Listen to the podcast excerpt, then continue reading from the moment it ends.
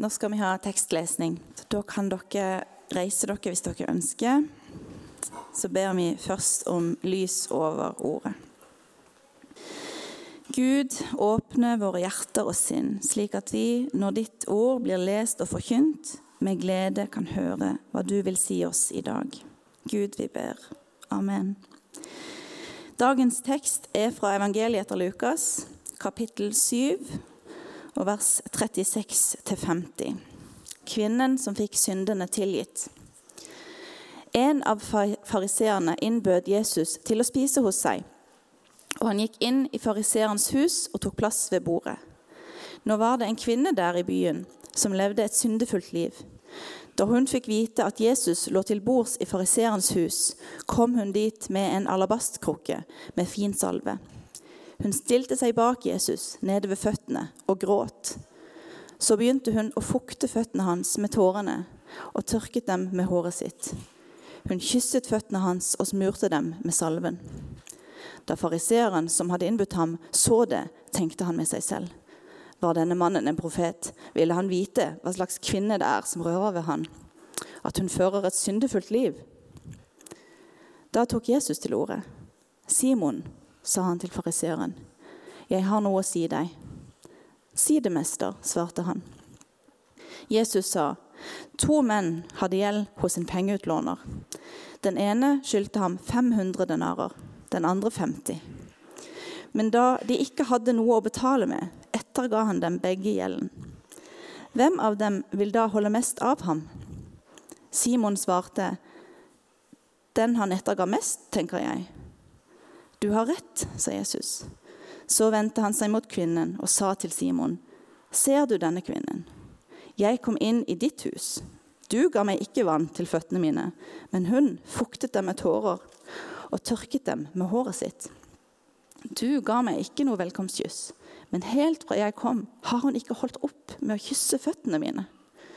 Du salvet inte hodet mitt med olje, men hon smurte fötterna mina med den fineste salve. Derfor sier jeg deg, hennes mange synder er tilgitt. Derfor har hun vist stor kjærlighet. Men den som, den som får lite tilgitt, elsker lite. Så sa han til kvinnen, syndene dine er tilgitt. Da begynte de andre gjestene å spørre seg selv, hvem er han som til og med tilgir synder? Men Jesus sa til kvinnen, din tro har frelst deg. Gå i fred. Dette er Guds ord til oss i dag. Gud være lovet.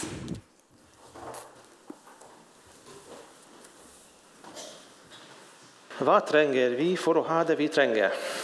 Det er en merkelig overskrift. Eh, og eh, det gir mening, men jeg tror ikke at du kan gjette her rett på sparken, så jeg har lagd en litt mer spiselig overskrift som heter 'En minnerik middag'. Liker dere å besøke andra land? Jag syns att det är väldigt spännande och jag liker speciellt att delta i måltider i annat land. Och därför är det sånn dubbelt göj att snacka om den här texten. För vi ska till ett annat land, Israel, och vi ska på ett måltid. För det historien Osebeat läste oss, tar oss med till ett festmiddag. Och eh, Det är en middag hos en välstående man i Israel i Jesu tid. Sannsynligvis skedde detta i Kapernaum. Det är en by som ligger ganska norr i Israel, nära gränsen, i Galilea. Och En fest i Israel bland judarna, det är alltid en väldigt livlig upplevelse. Judarna kan fira, alltså. Mycket emotioner, god mat, god stämning. Tårar kommer ganska fort.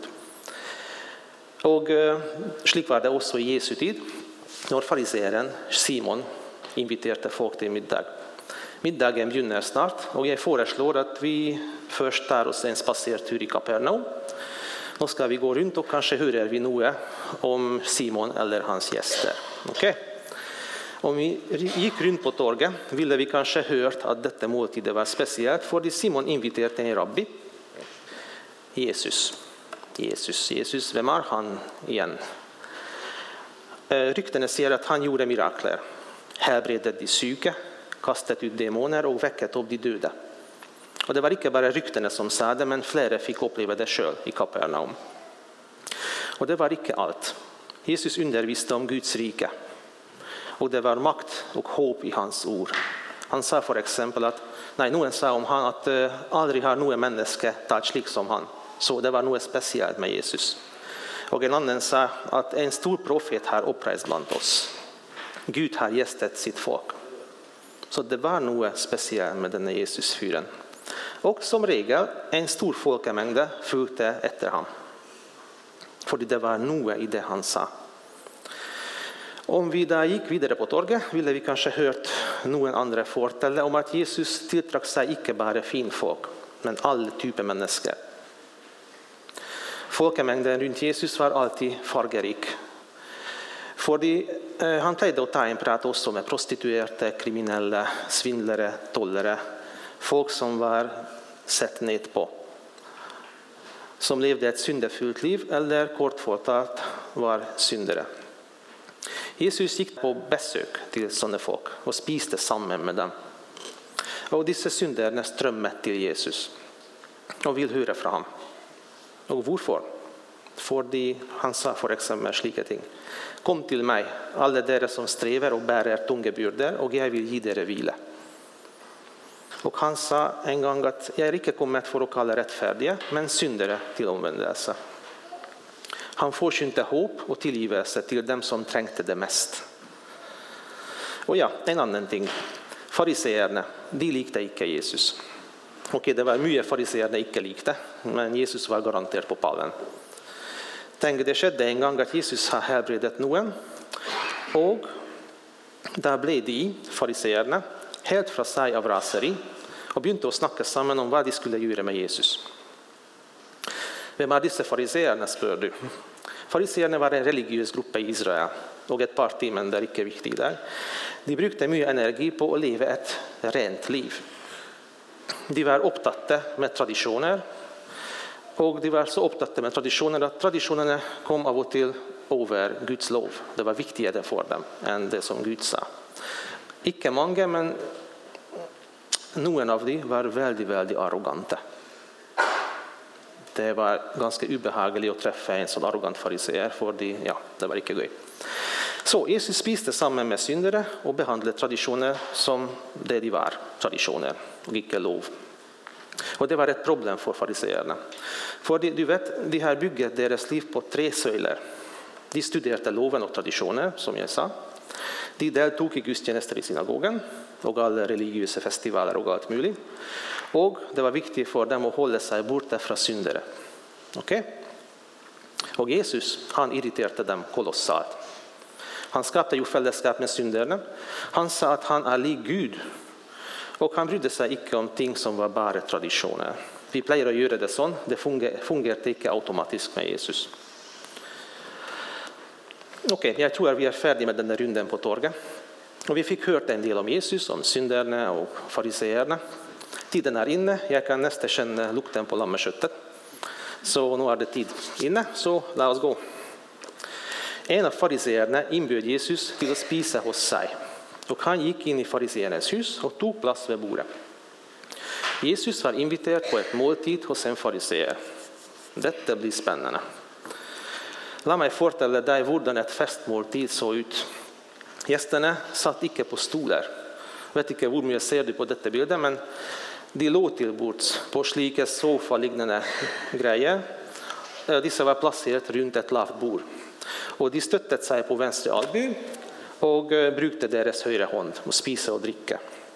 Kroppen och fötterna pekade alltså väck från bordet. Måltiderna fann det ofta sted ute i en hage och hagen var öppen. Så det var helt normalt att andra som icke var inviterade samlat sig runt gästerna vid lite avstånd och kikkat på hela attraktionen. För det var möjligt här för alla att komma och eh, se på finfolk och höra lite på samtalen. Men det var inte lov att förstyra måltiden.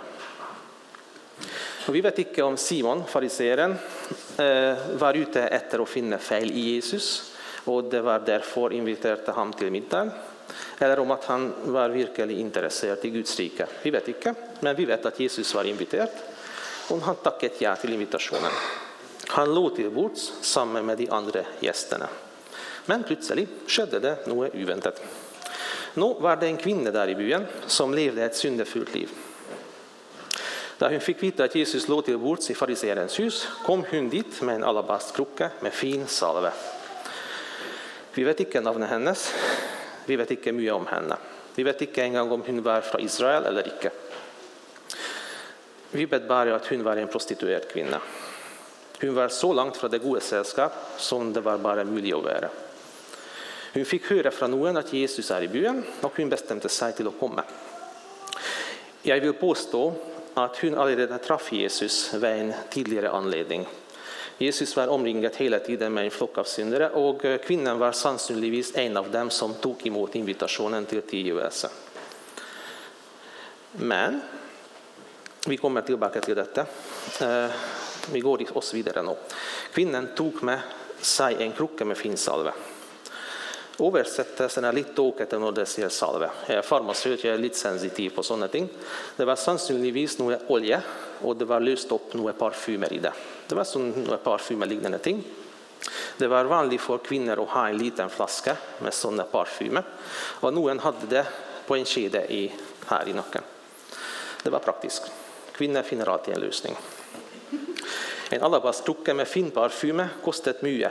Og det var ikke mulig å kjøpe det på europris, for å si det sånn. Det kostet mye, og det var ikke lett å få tak i en sånne ting. Og Å bruke olje eller parfyme til å salve noen, en person, det var en tegn på respekt. Enorm respekt. Vi leser om en lignende historie også senere i Bibelen, når en annen kvinne kom og salvet Jesus i Betania. Det var nær Jerusalem, en helt annen område. Vi er nå i Galilea, så det er to historier. Så kvinnan tog med sig parfymflaskan och gick in till festen. Hon visste vad som kom till att ske, men hon gick likaväl. Hon visste att hon skulle bli mött med nedlåtande blick. Bli spyttet på eller kanske kastet rätt ut För det hon är en synder. Alla har lov att komma och se på, men hon, Du vet vem hon är, eller? Men hon gick in för det hon hade en plan. Hon stirrade sig bak Jesus, nere vid fötterna och gråt. Så begynte hon å fukte fötterna hans med tårarna och torkade dem med håret sitt.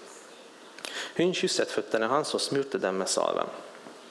Hon hade en plan och salve Jesus, men icke allt gick efter planen. Jag tror nämligen icke att tårarna, hennes tårar, var planlagda. Och därför tror jag att hon hade truffat Jesus för. Hon kom nog för att visa tacknämlighet och kunde icke hålla tårarna tillbaka. Jag tror det var en blandning av syndenöd, tacknämlighet, lättelse och lovprisning. Hon kysste Jesus sina fötter. Det var en annan tegn på väldigt stor tacknämlighet. Det var väldigt uvant för oss, men det var inte helt uvant för dem som levde där. Lägg märke till att det inte är några erotiska motiver i detta. Hon kom inte för att förföra en man. Nej, hon kom inte för att förföra Jesus. Hon kom för att lovprisa Jesus, för hon fick uppleva syndernas förlåtelse. Men tårene var et problem. Åse Beate hadde noen tårer her. Men vi vet alle hvordan en kvinne ser ut når hun roter sånn skikkelig. ikke sant? Sminken renner kanskje, håret er en katastrofe, øynene er hovne. og ja, Det er en interessant syn. Så hva skal hun gjøre nå? Hun står der og Ja, katastrofe. Vil noen gi henne et rommetørkle? Nej, selvfølgelig ikke, fordi ingen vil gå nær henne engang. Hun er en synder. Jeg vil ikke bli uren. Gå. Så hun gjør noe utenkelig. Jeg vet ikke om hun hadde håret sitt satt opp eller ikke. Jødiske kvinner, alle voksne jødiske kvinner hadde håret sitt satt opp når de var i offentlig rom. Fariseernes tradisjon sa at det var like stor synd å ha håret løst for en kvinne som å gå uten klær. Så enten hade hon håret allerede nere och det var en skam i sig själv, eller så brydde hon sig icke om vad folk skulle si. Hon slapp håret löst och begynte att torka av tårarna sina. Medan hon öste ut parfymen på Jesu fötter. Och Parfymelukten fyllde hela hagen. Och allt stoppet upp.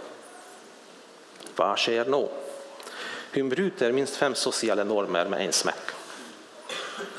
Jeg kan se for meg det spesielle blikket. Du vet når man later som at det ikke har skjedd noe, men kaster likevel et blikk i den direksjonen og ønsker at forstillelsen bare forsvinner av seg sjøl. Kan du ikke bare gå vekk? Vi vil fortsette med måltidet. Gjestene og ikke minst Simon forventet en reaksjon fra Jesus. Jesus, du må støte henne bort, for de fine folk lar seg ikke ur av urene syndere.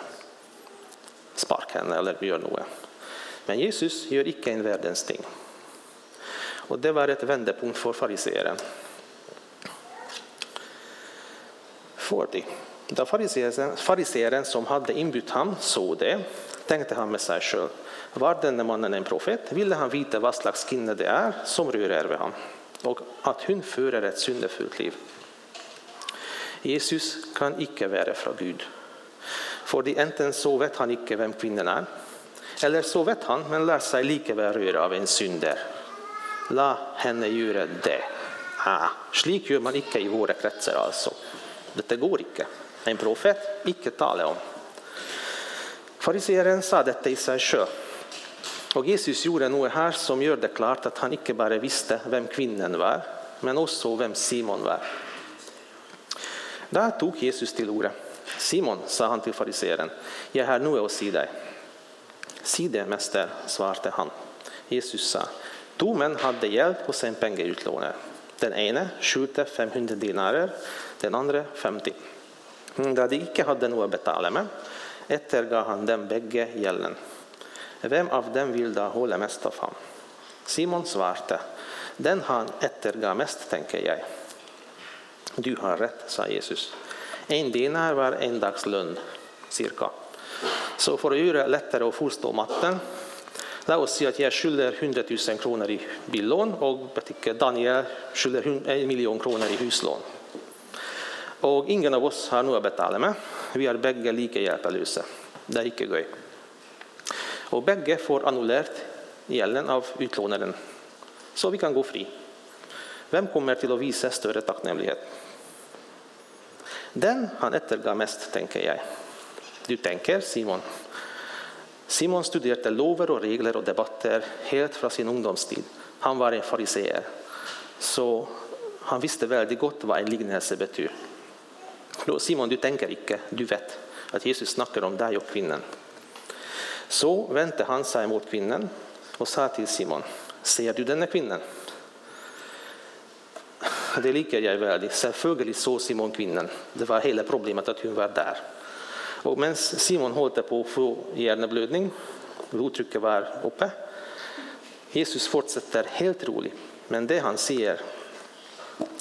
Jag kom in i ditt hus du gav mig icke vann till fötterna mina, men hon fuktade dem med tårar och torkade dem med håret sitt. Du gav mig icke någon välkomstkyss, men helt från jag kom, hon har icke hållit upp med att kyssa fötterna mina. Du savet ikke hodet mitt med olje, men hun smurte føttene mine med den fineste save. Jesus snakker rolig, men ordene hans kutter dypt fordi gjestfriheten krevde i Østen at man ønsker gjesten velkommen med kyss på begge sider. Tilbyr han vann til å vaske føttene, og til slutt drypper på panna eller på håret med litt olivenolje som var litt lukt i. Den traditionen lever framdeles i noen land. Det handlar om gästfrihet och respekt. Och Simon, du kallar mig för mäster eller rabbi, men du är faktiskt fräck med mig, sa Jesus. Ingen vann, ingen välkomstkyss, ingen olja på håret. Medan denna kvinnan här behandlar mig med enorm respekt och tacknämlighet. Okej, okay, Så samtalen går i en riktning som är okänd och obehaglig för Simon. Hennes många synder är tillgitt, därför har hon visst stor kärlek. Men den som får lite tillgitt älskar lite. Hennes många synder. Lägg märke till att Jesus icke har diskuterat om kvinnan förde ett syndefullt liv. Låt mig tolka det han sa. Simon, du tror att du vet vem denna kvinnan är. Men du vet inte vem hon är, Du vet bara vem hon var. Du ser en synder, och jag ser en tilgitt synder som har fått ett nytt liv. Och Simon, du kan inte förstå det. Så sa han till kvinnan, synderna dina är tillgitt. Där begynte de andra gästerna och spörde sig själv, vem är han som till och med tillger synder. Men Jesus sa till kvinnan, din tro har frälst dig, Gå i fred. Synden är din är tillgitt. Din tro har frälst dig. Gå i fred. Jesus sa detta till kvinnan, men han rättade också mot Simon. För kvinnan visste att hennes synder är tillgitt. Det var därför hon kom i utgångspunkten. Men Simon tänkte och hörde, därför Simon var utan tillgivelse. Simon var ett gott människa. Han hade en metod för att tjäna Gud, men det var ingen plats till en frälsare i detta system. Omvändelse och syndenöd. Han trängte det ju icke, trodde han. Han har icke haft behov för en Jesus som till och med tillger synder. Det är möjligt att tolka historien slik att kvinnan visste sin kärlighet först och efterpå fick hon tillgivelse. Men det är en feltolkning. Bara tänk på lignelsen. Tacknämlighet följde efter tillgivelsen. Kvinnan var allerede ett nytt människa när hon kom. Troen har satt henne fri, icke hennes gärningar. Eller sier icke lignelsen om pengautlånaren noe mening i det hele tatt. Ser du vem som är vem i hagen till Simon? Kvinnan som var kallad för en synder, hon är frigjord, Har fått en ny chans och tillhör nu Guds rike. Hon är icke perfekt, nej, hon är på väg. Men hon tillhör Jesus. Och Simon på andra sidan, fariseren, var skyldig med lite. Ett moraliskt liv, ett gott liv, kan hålla en tillbaka från mycket galt. Det är helt okej. Okay. Han var skyldig med lite, men Jesus sa att hans få synder var tillgivna. Huskar du de tre stölderna i fariseerens liv? Studera loven, gå i gudstjänster, hålla sig borta från syndare. Simon hade dessa föran sig och han hade en tro, en tro i disse och han hade en stark tro i sig själv. Jag kan fixa det. Resultatet det blev hovmod. Jag kan detta. Och resultatet blev att hans egen godhet gjorde han blind för sin synd. Synden är din är tillgitt, din tro har frälst dig. Gå i fred. De mest dyrbara ord till värt människa. Du är icke längre en slave till din synd, till din fortid. Du är fri till att leva ett rent liv. Gå i fred. Icke bara att konflikten är över, allt är stilla. Nej, när Gud fyller hjärtat med sin fred. Det är mycket mer än bara mangel på krig. Det är en gave som fyller ett hjärta. Ja, men vad skedde med hennes många synder då? Allt är bara glömt. Är detta icke urättfärdigt? att hon slipper bara undan? Vi vet vad som skedde med hennes många synder. Detsamma som sker med mina eller dina synder när vi får se vår eländighet ber vi Jesus om tillgivelse och sätter vår tillit till honom. Dessa synderna blir icke bara glömt, nej, de är betalt. Gästerna hos Simon ställde det rätta spörsmålet egentligen. Vem är han som till och med tillger synder? Vi vet inte om gästerna har fått ett svar där. Det står inte skrivet, men det står skrivet i Johannes evangelium att Jesus besvarade spörsmålet till en annan fariseer, till Nikodemus. För slik Moses löftet upp slangen i öknen, slik må Människosonen bli löftet upp, för att världen den som tror på honom ska ha evigt liv. För så högt har Gud älskat världen att han gav sin son, den enbårne, för att världen som tror på honom icke ska gå förtappt, men ha evigt liv. Gud sände icke sin son till världen för att döma världen, men för att världen skulle bli frälst vid honom. Den som tror på honom blir icke dömd. Den som icke tror är allerede dömd, för han icke har trott på Guds enbårne sons namn. Så, vem är han som till och med tillger synder? Han är Guds enbårne son. Han är Gud i människokropp. Min synd försvann icke av sig själv. Jesus kom till jorden för att överta den och betala straffen med sitt liv på korset när han blev lyftet upp. Gud, Fadern, reste honom upp från döden och jag är upprest med honom. Jag kan gå fri. Låt mig förkynna evangeliet till dig också. Visst dina synder är lagt på Jesus, Visst de ligger vid korset, du är fri. Dina synder är tillgitt. Det är så fantastiskt att, få, fantastiskt att få det bekräftat och höra det igen och igen. Du är fri. Du är fri. Du kan gå i fred. Icke för din Nimrod säger det, det betyder mindre än ingenting. Men eh, när Jesus säger det, Han gör det till verklighet. Och det är obeskrivligt att uppleva det. Jag kan inte beskriva det. Så låt oss jubla och lovprisa Herren, för det han har gjort en mirakel. Han har räddat oss från döden. Jag vill avsluta med en psalm och en sista tanke. Okay? Det står i psalm 32. Salig är den som får sina lovbrott tillgitt och sina synder skyld.